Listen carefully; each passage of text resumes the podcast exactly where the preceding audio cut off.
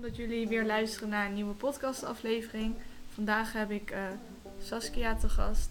Uh, Saskia, ehm, toen ze 21 uh, was, toen heeft ze haar neef verloren. En in de afgelopen 13 maanden heeft ze eerst zijn broer en toen haar zus verloren. En ehm, ik ben heel blij dat ik met haar in contact ben gekomen. En nu, nu gaan we ja, nu vertelt Saskia haar verhaal. Dus welkom.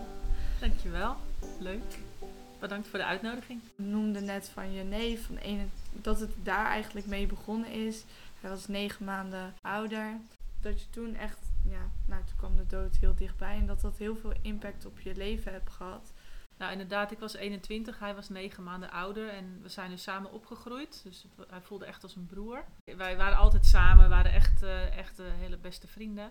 En opeens was hij er niet meer. En dat, ja, dat was zo'n gigantische klap. Um, en als ik nu terugkijk, hè, dus mijn, mijn, broer is vorig jaar maart op mijn verjaardag overleden. Mijn zus uh, afgelopen 26 april.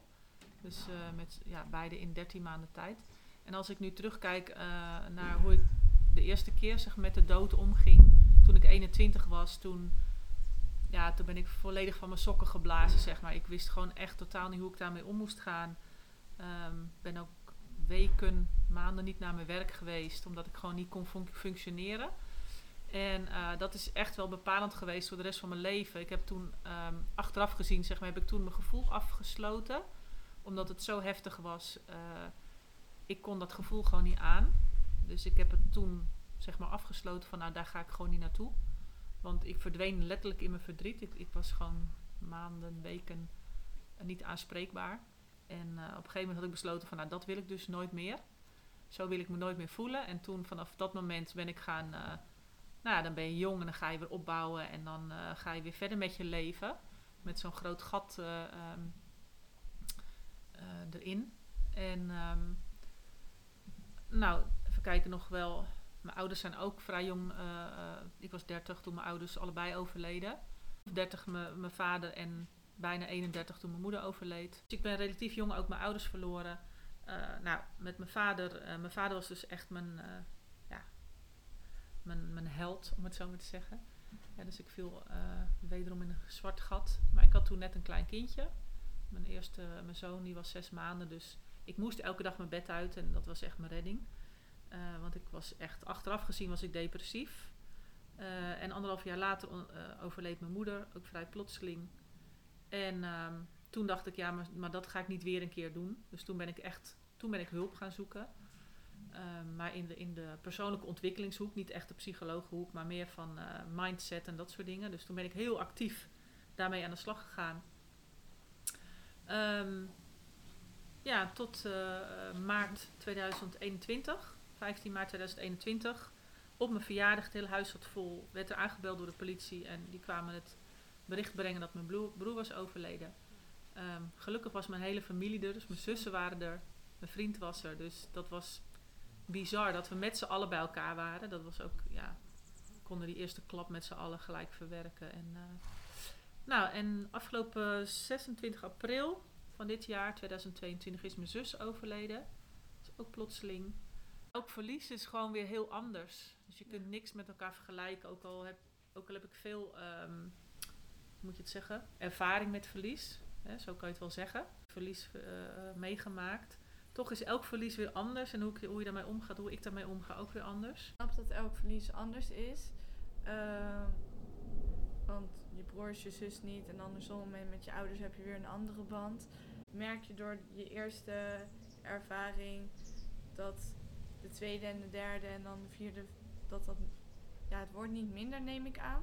Maar nou, het, het, het, verlies op zich wordt nooit, dat went niet, maar wel hoe je ermee omgaat. Zeg maar, hoe ik ermee omga in ieder geval. Wat ik zei bij mijn neef, was ik gewoon, kon ik er totaal niet mee omgaan. Ik kon het helemaal niet handelen. Ja. Bij mijn ouders, nou, met mijn vader was het ook heel moeilijk. Omdat ik echt een vaderskindje was. Dus achteraf gezien was ik depressief. Ik heb daar toen geen hulp bij gezocht. Maar als je alles kijkt hoe ik toen leefde en wat ik toen deed, dan zeg ik gewoon nu achteraf, ik was gewoon depressief. Ja. En um, bij mijn moeder um, ja, kon ik daar weer ietsje beter mee omgaan. Ik had er ook wat meer vrede mee, hè, omdat ze alleen achterbleef met mijn vader. En ik zag dat ze het daar heel moeilijk mee had. Dus dat stukje was er ook bij. En toen ehm, mijn broer. Ja, daar zit er alweer zo'n gro- groot gat tussen. Hè. Dus 21 mijn neef, 30 en 31 mijn ouders beide. En, en toen ik mijn broer, dat was dus vorig jaar, toen was ik 51. En dan zit er al zo'n gat tussen. Hè. Ik werk nu negen jaar voor mezelf. Ik help echt gevoelige vrouwen om in hun kracht te komen met de paarden. En ook eh, rouwverwerking of verwerking van, eh, van moeilijke situaties in hun leven.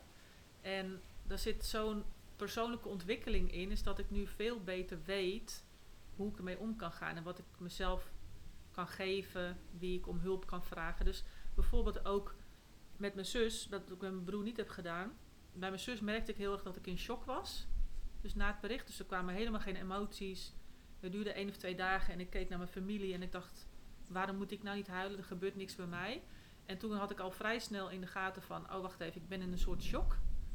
En eh, toen heb ik daar direct hulp bij gezocht. En dat is wel echt iets wat heel erg anders is dan 20, 30 jaar geleden. Toen was ik het voornamelijk zelf aan het doen. Bij mijn moeder zeg ik dan heel stoer nu van, ik heb gelijk hulp gezocht, maar dat is niet zo. Daar ging nog best een tijdje overheen. Eh, en, en ik heb eigenlijk toen gewoon een, een cursus persoonlijke ontwikkeling gedaan. Maar dat is achteraf niet per se de hulp die ik... hè, ik had ook nog wel andere hulp daarbij moeten hebben. Maar goed, het was in ieder geval iets. Ik heb er wel iets van hulp bij gevraagd. En nu is dat gewoon heel anders. Dat ik gewoon veel beter hulp vraag. En dat is ook wel iets wat ik mensen die dit meemaken gewoon ja, echt zou willen meegeven. Blijf er niet alleen mee rondlopen. Ga, ga erover praten en zoek jouw vorm die voor jou fijn is. Of dat nou praten is of therapie met honden, paarden of whatever. Of danstherapie. Of, hè, maar, maar geef uiting aan dat gevoel en ga ermee aan de slag. En eh, dat, dat, ja, dat maakt aan dat je je niet zo alleen voelt. Dus dat je ook met andere mensen dat kunt delen. En het, het helpt je gewoon om gewoon weer eerder eh, ja, de joy terug te krijgen in je leven. Ja, ja mooi. Helemaal in het begin zei je van, nou, ik koos eerder voor meer persoonlijke ontwikkeling dan therapie. Weet je dat nog, eh, hoe je die keuze hebt gemaakt of waarom dat naar boven kwam? Ik vind het namelijk wel een hele mooie dat je, ja, Ja. Dat het persoonlijke ontwikkeling en dan op meerdere verschillende vlakken. Wat ik achteraf heb gezien is dat, hè, dus, de- dus door het overlijden van mijn neef en, eh, en van mijn ouders, dat het eigenlijk een soort van ontwaking is. Dat, die term heb je misschien wel eens gehoord, spiritueel ontwaken. Is dat, je, dat er dan zoiets heftigs gebeurt in je leven, dat je opeens dan heel bewust naar die situatie kijkt. Of dat, of, dat kan ook later pas komen, maar achteraf gezien zijn dat wel beslissende momenten geweest. En vooral toen bij mijn moeder had ik dus een keer inderdaad een gesprek gehad met iemand. En die adviseerde deze cursus. Of dat was echt een weekend met. eh het is vreselijk Amerikaans, maar eh het was op zich wel heel goed om dat eh, te doen. en ik heb nog een paar gesprekken bij haar gehad daarna. Ehm, ja, dus, dus voor mij zijn dat wel ook echt momenten geweest dat. Ja, zoals bijvoorbeeld bij mijn broer. Ik was toen 21, ik was helemaal niet met spiritualiteit bezig nog. Ehm, maar toen hij overleed, toen zei hij tegen mij. ehm, of opeens was hij er een keer. Toen was, zat er een vlinder naast me en echt heel dichtbij of op me, ik weet het niet eens meer. Maar ik was in ieder geval helemaal, wow, wat een mooie vlinder. En toen hoorde ik hem letterlijk zeggen van, ja, dat ben ik. En elke keer als je een vlinder ziet, dan ben ik bij je. En die stem die kwam gewoon out of the blue, dat was zijn stem. En het was gewoon net alsof hij bij me aan tafel zat. Dus ik, ik twijfelde ook geen moment eraan dat het niet echt was of zo. Want het was gewoon zijn stem. Hij zei dat tegen mij en het klopte gewoon in de situatie. Eh, en dat was voor mij mijn eerste spirituele ervaring van dat ik contact kon hebben met nou ja, een overleden dierbare. En, ehm, ja, en ik merk gewoon nog wel dat hij op, soms op moeilijke momenten gewoon dat hij er opeens is. Of dat hij dan opeens, eh, dat zie ik een vlinder en denk, oh je bent er, weet je. Ja. En dat is gewoon, eh, ja, dat is gewoon heel erg mooi. ja. Heb je dat ook met je zus? Ja, maar ik, ik, wat ik al zei, ik heb er zo'n ontwikkeling doorgemaakt Ja. in die tussentijd. Is dat ik nu, voor mij is het ehm, inmiddels vrij normaal. Dus ik, ik kan heel makkelijk met de energie communiceren. Zo communiceer ik ook met de paarden. Ja. Eh, en, en met overleden mensen is eigenlijk exact hetzelfde als dat je met een dier of met een mens zonder woorden communiceert. In de energie. Doe je daarmee eigenlijk ook al die gebeurtenissen, dat je steeds meer open gaat staan voor de overkant? Of Ja. hoe je dat ook noemt. Ja, klopt. Ja, voor mij wordt het normaler. Eh, maar het neemt niet weg dat het altijd makkelijk is. Want je hebt dus ook je aardse verdriet. Dus bij, bij mijn broer kreeg ik het durende wat langer voordat ik eh, contact... Nee, ik had het wel vrij snel door van eh, het gaat goed met hem. Ehm, maar toen duurde het dagelijks contact weer lang. Bij mijn zus was het tegelijk. En dat is dan heel verwarrend. Want aan de ene kant ervaar je dus dat aardse verdriet van ze is er niet meer fysiek. En tegelijkertijd voel ik er in de energie. Ik voelde dus heel vaak. eh, waardoor ik nog steeds het idee heb dat ze bij me is. En dat is natuurlijk ook echt zo in de energie. Ja, Ehm, dus dat is het hele mooie. Eh, maar dat is soms ook gewoon verwarrend. ja. Omdat je ook gewoon mens bent en je wilt daar ook gewoon vastpakken en gewoon met de kletsen. En mijn broer ook. En het besef dat dat dus nooit meer kan, dat is dan heel pijnlijk. Hoe ga je daarmee om met die twee verschillen van, ja, wat je zegt, het aardse, dat diegene hier niet meer over straat loopt of jou een knuffel geeft, maar wel eigenlijk weet dat je weet, oh ja, maar hij, zij is gelukkig daar. Ja, dat, dat is echt wel mijn ontwikkeling geweest. Mijn persoonlijke ontwikkeling is dat ik nu... Kijk, ik geloof heel erg dat elk mens hier op aarde een, een zielenplan heeft of een zielsplan heeft. Dus je komt hier niet zomaar, je wordt hier niet zomaar op de aarde gegooid. Je hebt hier bewust voor gekozen, tenminste ik geloof dat. Ehm, dus je, je komt hier met een taak. En ik weet ook dat vanuit dat zielenplan dat het... Ja, ik weet niet wat haar taak precies was. Ik ben natuurlijk wel al die jaren haar zus geweest. Dus ja, voor mij was ze gewoon een en al liefde. En kwam ze hier liefde brengen. Maar ik bedoel, ik heb dus geen inzicht in haar plan. Dus ik weet niet, gelukkig ook niet van mezelf, van anderen, ben ik heel blij om. Ehm, maar, dus ik kan ook, in die zin kan ik me daar vrij makkelijk aan overgeven. En een soort van accepteren, oké, dit is nu wat er is. Dit was dus kennelijk de bedoeling. En dat kan ik soms heel makkelijk accepteren. En andere momenten weer denk van, godverdomme, weet je wel. Dan is je kleindochter jarig en waarom ben je er dan niet? En, eh, of, nou ja, gewoon op momenten dat je er gewoon even mist. Maar ik merk al dat het, dat het weer heel anders is dan bij mijn broer. Dat ik er nu weer op een andere manier mee omga. En, en soms vind ik het ook verwarrend.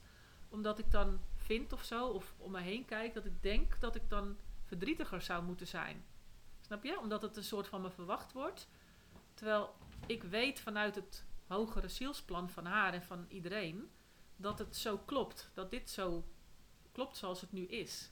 Ja. Uh, maar dat, ja, daarin heb ik op een gegeven moment ook gelijk hulp gevraagd aan, uh, aan een therapeut, een vrouw die mij ook uh, heeft geholpen en waar ik een opleiding heb gedaan. Want, want voor mij is er maar één, zeg maar, die, die me daar. Ik heb letterlijk tegen haar gezegd: ik heb een holding space nodig voor deze nieuwe versie van mezelf. Want dit is zo anders en zo nieuw, wat ik nu allemaal voel. En daar heb ik gewoon jouw holding space voor nodig. En zij kan dat heel goed. Ja. En zij werkt zelf ook met paarden en met honden en met varkens. Dus zij gigantisch geaard en heel erg aanwezig. Uh, uh, dus er hoeft ook niet zoveel gepraat te worden. Dus het gaat echt over die holding space van de nieuwe versie die ik nu ben. En dat voelt af en toe nog steeds een beetje raar. Net wat ik zei, toen, toen we begonnen had ik gewoon even patranen en soms schiet ik even vol. Maar echt, dat hele diepe verdriet van elke keer dat ik moet huilen of zo, dat, dat is er gewoon nu niet. Terwijl, ja, op een bepaalde laag is het er wel natuurlijk. Alleen, het krijgt niet steeds uiting in mijn leven. En ik geloof ook niet dat ik het wegstop. Want hè, dingen mogen er gewoon zijn. Ik, Ja. ik leer dat ook aan andere mensen dat het er mag zijn. Dus ik, en wat mij onwijs geholpen heeft, is eh, de dankbaarheid. Hè, dus dat ik gewoon elke ochtend en elke avond gewoon heel erg stilsta bij alles wat er goed gaat in mijn leven. Hè, dus de liefde van mijn kinderen, van mijn, van mijn partner, van mijn, van mijn familie, van mijn vrienden, van mijn dieren. Dus dat, dat, dat geeft me zoveel joy en zoveel rijkdom. Dat ik gewoon elke ochtend wakker word en dat ik denk, oh, mijn- mijn- mijn dierbaren zijn allemaal weer wakker geworden. Dat geeft mij zoveel dankbaarheid. Dat, dat er eigenlijk bijna geen ruimte is voor het verdriet. Dat het bijna een soort van, ja, raar voelt of zo. Ja, Ja. snap je een beetje wat ik bedoel? ja, ik snap wel wat je bedoelt. Maar ik vind ja. het lastig, omdat het gewoon het, het gangbare manier hoe er over verdriet en, en de dood enzovoort, dat is gewoon heel erg, ehm, ja, dat je heel erg verdrietig moet zijn. Weet je, en hou me te goede, ik, ik heb respect voor iedereen, hoe het, hè, want iedereen doet het op zijn of haar manier. En op dit moment is dit gewoon nu mijn manier.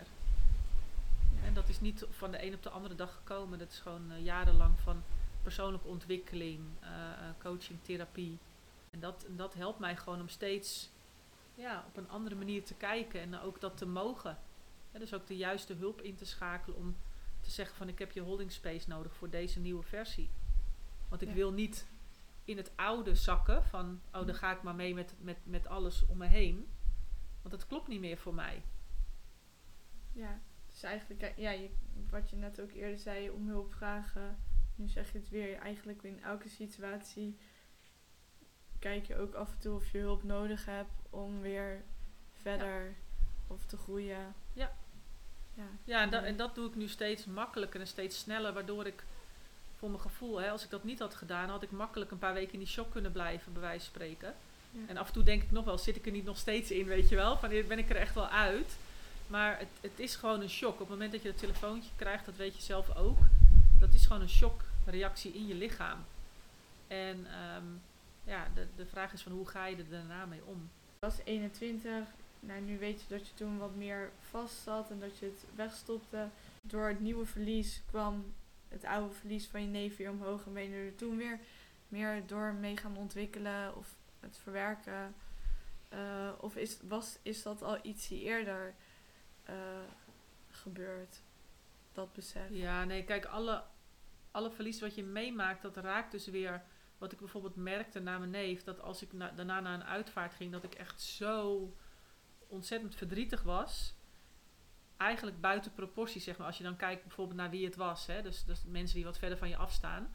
Maar dat komt omdat je dan een soort van vrijbrief hebt om alles er gewoon uit te kwakken. Eh, en daarvan merkte ik op een gegeven moment van, joh, ik, ik moet er echt iets mee. Want dit is gewoon niet in proportie hoe ik hier nu eh, ehm, aan het huilen ben. Eh, dus toen, dat, dat kwam wel zeg maar daarna. Ja, en bij, bij je ouders komt er natuurlijk ook weer een nieuwe laag bij. Dus het is, het is aan de ene kant ruim je wat op. Nou ja, ruim je wat op, weet ik niet. Aan de andere kant komt er natuurlijk weer een lading bij. Ook al is het van mijn neef, eh, weet ik veel hoeveel jaar geleden. Ik was 21, nou, ik ben nu 53, 52, reken maar uit. Ehm, dat zegt dus ook niks. Want, want in je gevoel is het gisteren of is het net gebeurd. Dat weet je zelf ook. Eh, dus ehm, plekje geven vind ik ook een lastige. Maar ik vind omarmen wel een mooie. Dus je omarmt alles wat er is. Ja. En dat, volgens mij gaat het daarover. Dat het echt, het is een onderdeel van je leven. Je raakt het nooit meer kwijt, hoe oud je ook wordt. Dus het is altijd iets wat bij je blijft.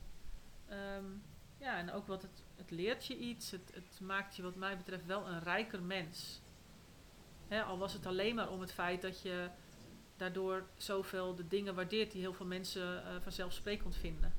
En ik doe dat ook nog niet altijd, hè. Dus ik, het is niet zo dat ik helemaal verlicht rondloop van... Oh, ik ben zo dankbaar. Nee, ik heb ook nog wel eens momenten dat ik... ah, weet je, dat ik van baal van dingen of zo. Maar het duurt nooit zo lang. Omdat die dankbaarheid die overheerst zo enorm. Ja. En dat is wel een van de grootste geschenken, denk ik. En voor mij ook het, het, het geschenk dat, dat ik ontdekte... Dat ik dus gewoon nog met ze kan communiceren ja, voordat ik dat durfde te vertellen, ging er al heel wat jaren overheen. Omdat het toen in die tijd nog, nog niet zo eh, mainstream was als nu. Ehm, maar nu eh, merk ik gewoon ja, dat ik daar ook makkelijker over praat. En dat, dat geeft ook weer een stukje steun of zo. Dat geeft ook weer. Dus, dus al met al, ja, word ik ook gewoon meer mezelf erdoor. En eh, ontdek ik ook kanten van mezelf die ik daarvoor nog niet kende. Ja.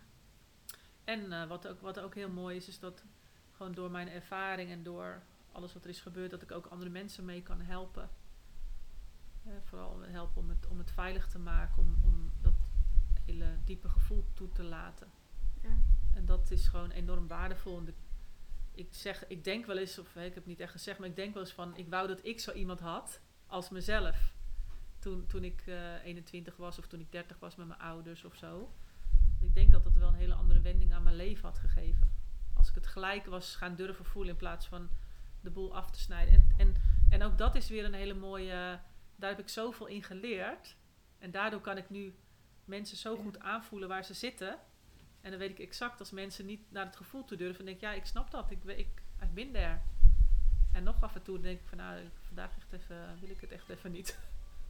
ja. Dus dat, eh, ja. Mooi. Zij toen in die tijd, want nu is het veel meer. eh, eh, er zijn veel meer mensen die werken aan hun mindset, persoonlijke ontwikkeling, eh, paardencoaching of spiritueel. Maar toch heb jij daar wel voor gekozen. Je hebt wel voor gekozen. Ik voelde denk ik intuïtief toen al aan Ook al was ik helemaal niet met persoonlijke ontwikkeling bezig. Ik had wel een boek gelezen van Louise Hay.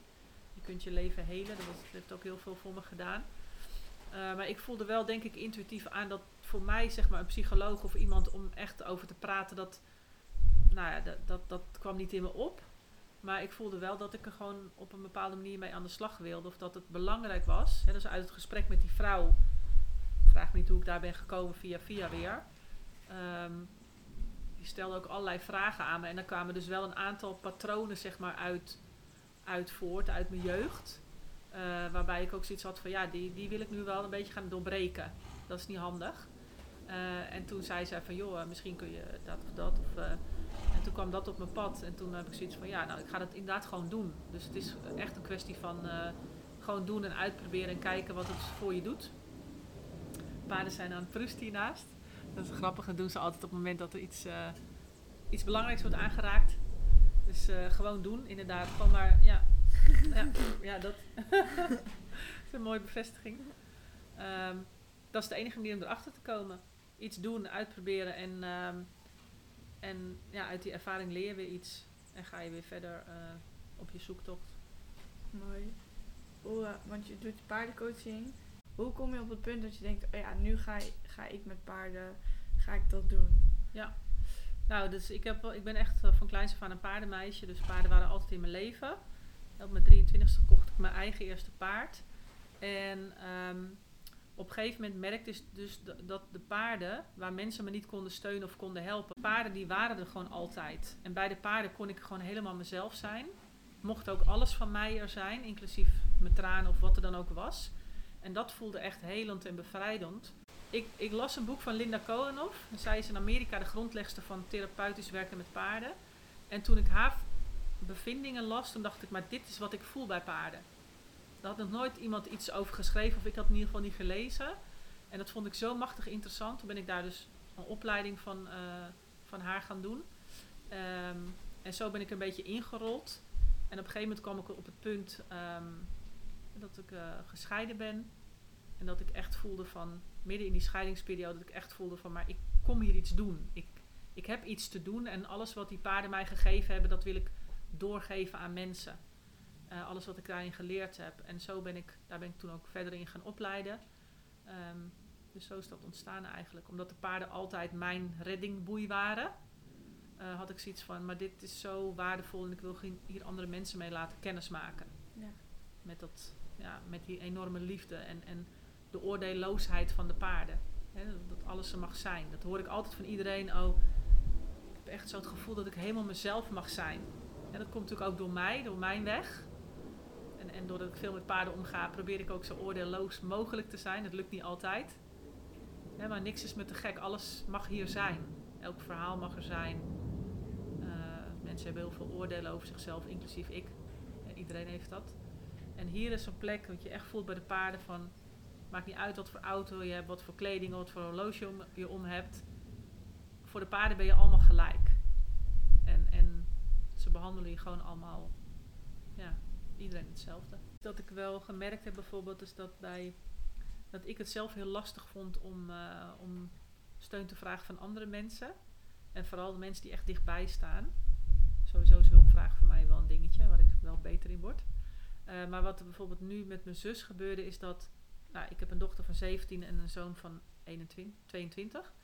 En dat ik me voor het eerst ook durfde te laten steunen door hun. Dus dat ik mijn verdriet toedurfde en dat ik me echt... Hè, dat op de, op, de, op de uitvaart van mijn zus... Dat, mijn, dat ik echt heel hard moest huilen in, in dat mijn zoon me omhelste. En dat is iets wat ik eerst nooit durfde. Dat ik dacht van ja, nee, dat moet ik bij mezelf houden. Dat is te veel voor hun. En daar wil ik ze niet mee belasten. Dat is altijd bezig met hun. En nu durf ik dat meer toe te laten. En ook bij mijn dochter het ook meer te laten zien. Ik ben wel hun moeder, maar wel een heel groot verdriet wat ik nu even voel. Daar aan toe wil voegen, wat belangrijk is denk ik, wat mooi is, is dat juist doordat je dat doet, geef je een ander ook weer een kans om er te mogen zijn voor je. Hè, dat is ook gewoon wat mensen heel graag willen. Eh, en die kans ontneem je ze dus ook echt als het, op het moment dat je alles alleen aan het doen bent. Dat je geen hulp vraagt. Ja. Eh, dus dat, dat is denk ik iets heel moois ook. Want mensen willen heel graag eh, ja, iets voor je betekenen. Nou, wat ik soms nog eens lastig vind, is dat ik er, hoe ik er nu in sta, dus, dus deze manier van zijn, hoe ik nu ben, hoe het voelt met alles wat ik weet vanuit mijn verleden en, en ook vanuit het in het nu, dat ik het dan soms nog wel eens lastig vind in contact met, met eh, andere mensen of met dierbaren. Dat ik daar gewoon mee mag zijn. En dat, hè, dus iedereen zit in een andere realiteit. Dat, dat is natuurlijk überhaupt, dat is iets waar ik me heel erg bewust van ben. Toen ik dus, ehm, toen het net was gebeurd met mijn zus, zeg maar twee weken later of zo. Toen had ik een belangrijke dag van mijn, eh, van mijn eigen coach. Het was een live dag en daar wilde ik eigenlijk heel graag heen. Maar ik zag onwijs op tegen al die mensen en iedereen die ging vragen hoe gaat het nou met je. Dus huilend eh, mijn coach ingesproken van het, het lukt me echt niet vandaag om te komen. En toen had ik dat bericht verstuurd. Toen dacht ik, ja maar wacht even, ik wil het wel heel graag. Waarom, waarom wil ik er nou niet heen? En toen kwam ik erachter dat ik heel erg opzag tegen al die mensen die zeiden... "Ah, Wat vreselijk van je zus en hoe gaat het nou? En ik dacht, ja dat trek ik gewoon echt niet. Eh, dus toen heb ik bedacht, ik ga erheen. Wat heb ik nodig? Ik heb het nodig om in mijn eigen energie te zijn die dag. En niet de hele tijd het over mijn zus te praten. Ik, dit gaat over mijn business. Eh, ik kom daar voor mezelf die dag. Ehm, dus ik heb dat heel duidelijk mezelf voorgenomen. Toen ben ik er, heb ik er ingesproken van ik kom wel. Toen ben ik erheen gegaan. En de eerste de beste, ik ging, ging eh, van tevoren even koffie drinken. Die naast me kwam zitten, die zei... Is het nu met je? Jeetje, want ik had wel gemeld in de groep dat het was gebeurd. Ik zeg één ding. Ik vind het super lief dat je het vraagt. Ik zeg, maar ik wil het vandaag niet over mijn zus hebben. Oh, oh, ik zeg, want ik trek het gewoon even niet. Want als ik dat 30, 40 keer moet vertellen. Nee, dat snap ik helemaal. Ik schrok wel even. Mensen verwachten dat niet. Maar het voelde zo goed om dat te doen. Om, om mezelf echt te geven wat ik nodig had op dat moment. Waardoor ik echt een fantastische dag heb gehad. Eh, ik in de pauzes ook niet ben gaan interacten met iedereen. Gaan socializen, maar gewoon in het gras ben gaan liggen. Om er even helemaal terug bij mezelf te komen. Eh, en zo heb ik een hele fijne en mooie en waardevolle dag voor mezelf gehad. Eh, omdat ik precies heb aangegeven wat ik nodig had. En ik ook het mezelf heb gegeven. Dus ook de mensen heb begrensd tussen aanhalingstekens. Ja. In ieder geval duidelijke kaders heb neergezet. Waardoor eigenlijk, ik, ik heb het geloof ik drie keer hoeven zeggen. En daarna leek het wel een soort in mijn aura te hangen dat niemand vroeg het ook meer. Dat als het soms te sprake kwam, dat je mensen zag schrikken. Dat ze dachten, ah, shit, ik heb, het helemaal niet, ik heb helemaal niet aan gevraagd hoe het met haar gaat. En sommige mensen zeiden het ook. Als nee, het is helemaal prima. Ik zeg, want ik ben hier vandaag voor mezelf.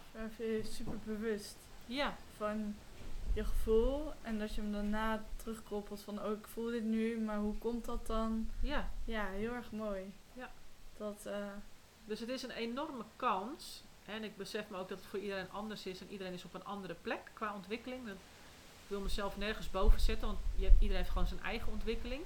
Maar het is een onwijs mooie kans om juist jezelf zo te geven wat je nodig hebt. In, het, ja, in wat je gaat doen of wat je tegenkomt. Ehm, zodat het, ja, het is gewoon ook een hele mooie groeikans.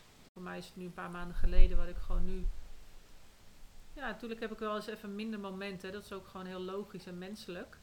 Waardoor ik gewoon ja, mijn werk doe. Waardoor ik juist een enorme verdieping weer heb gemaakt.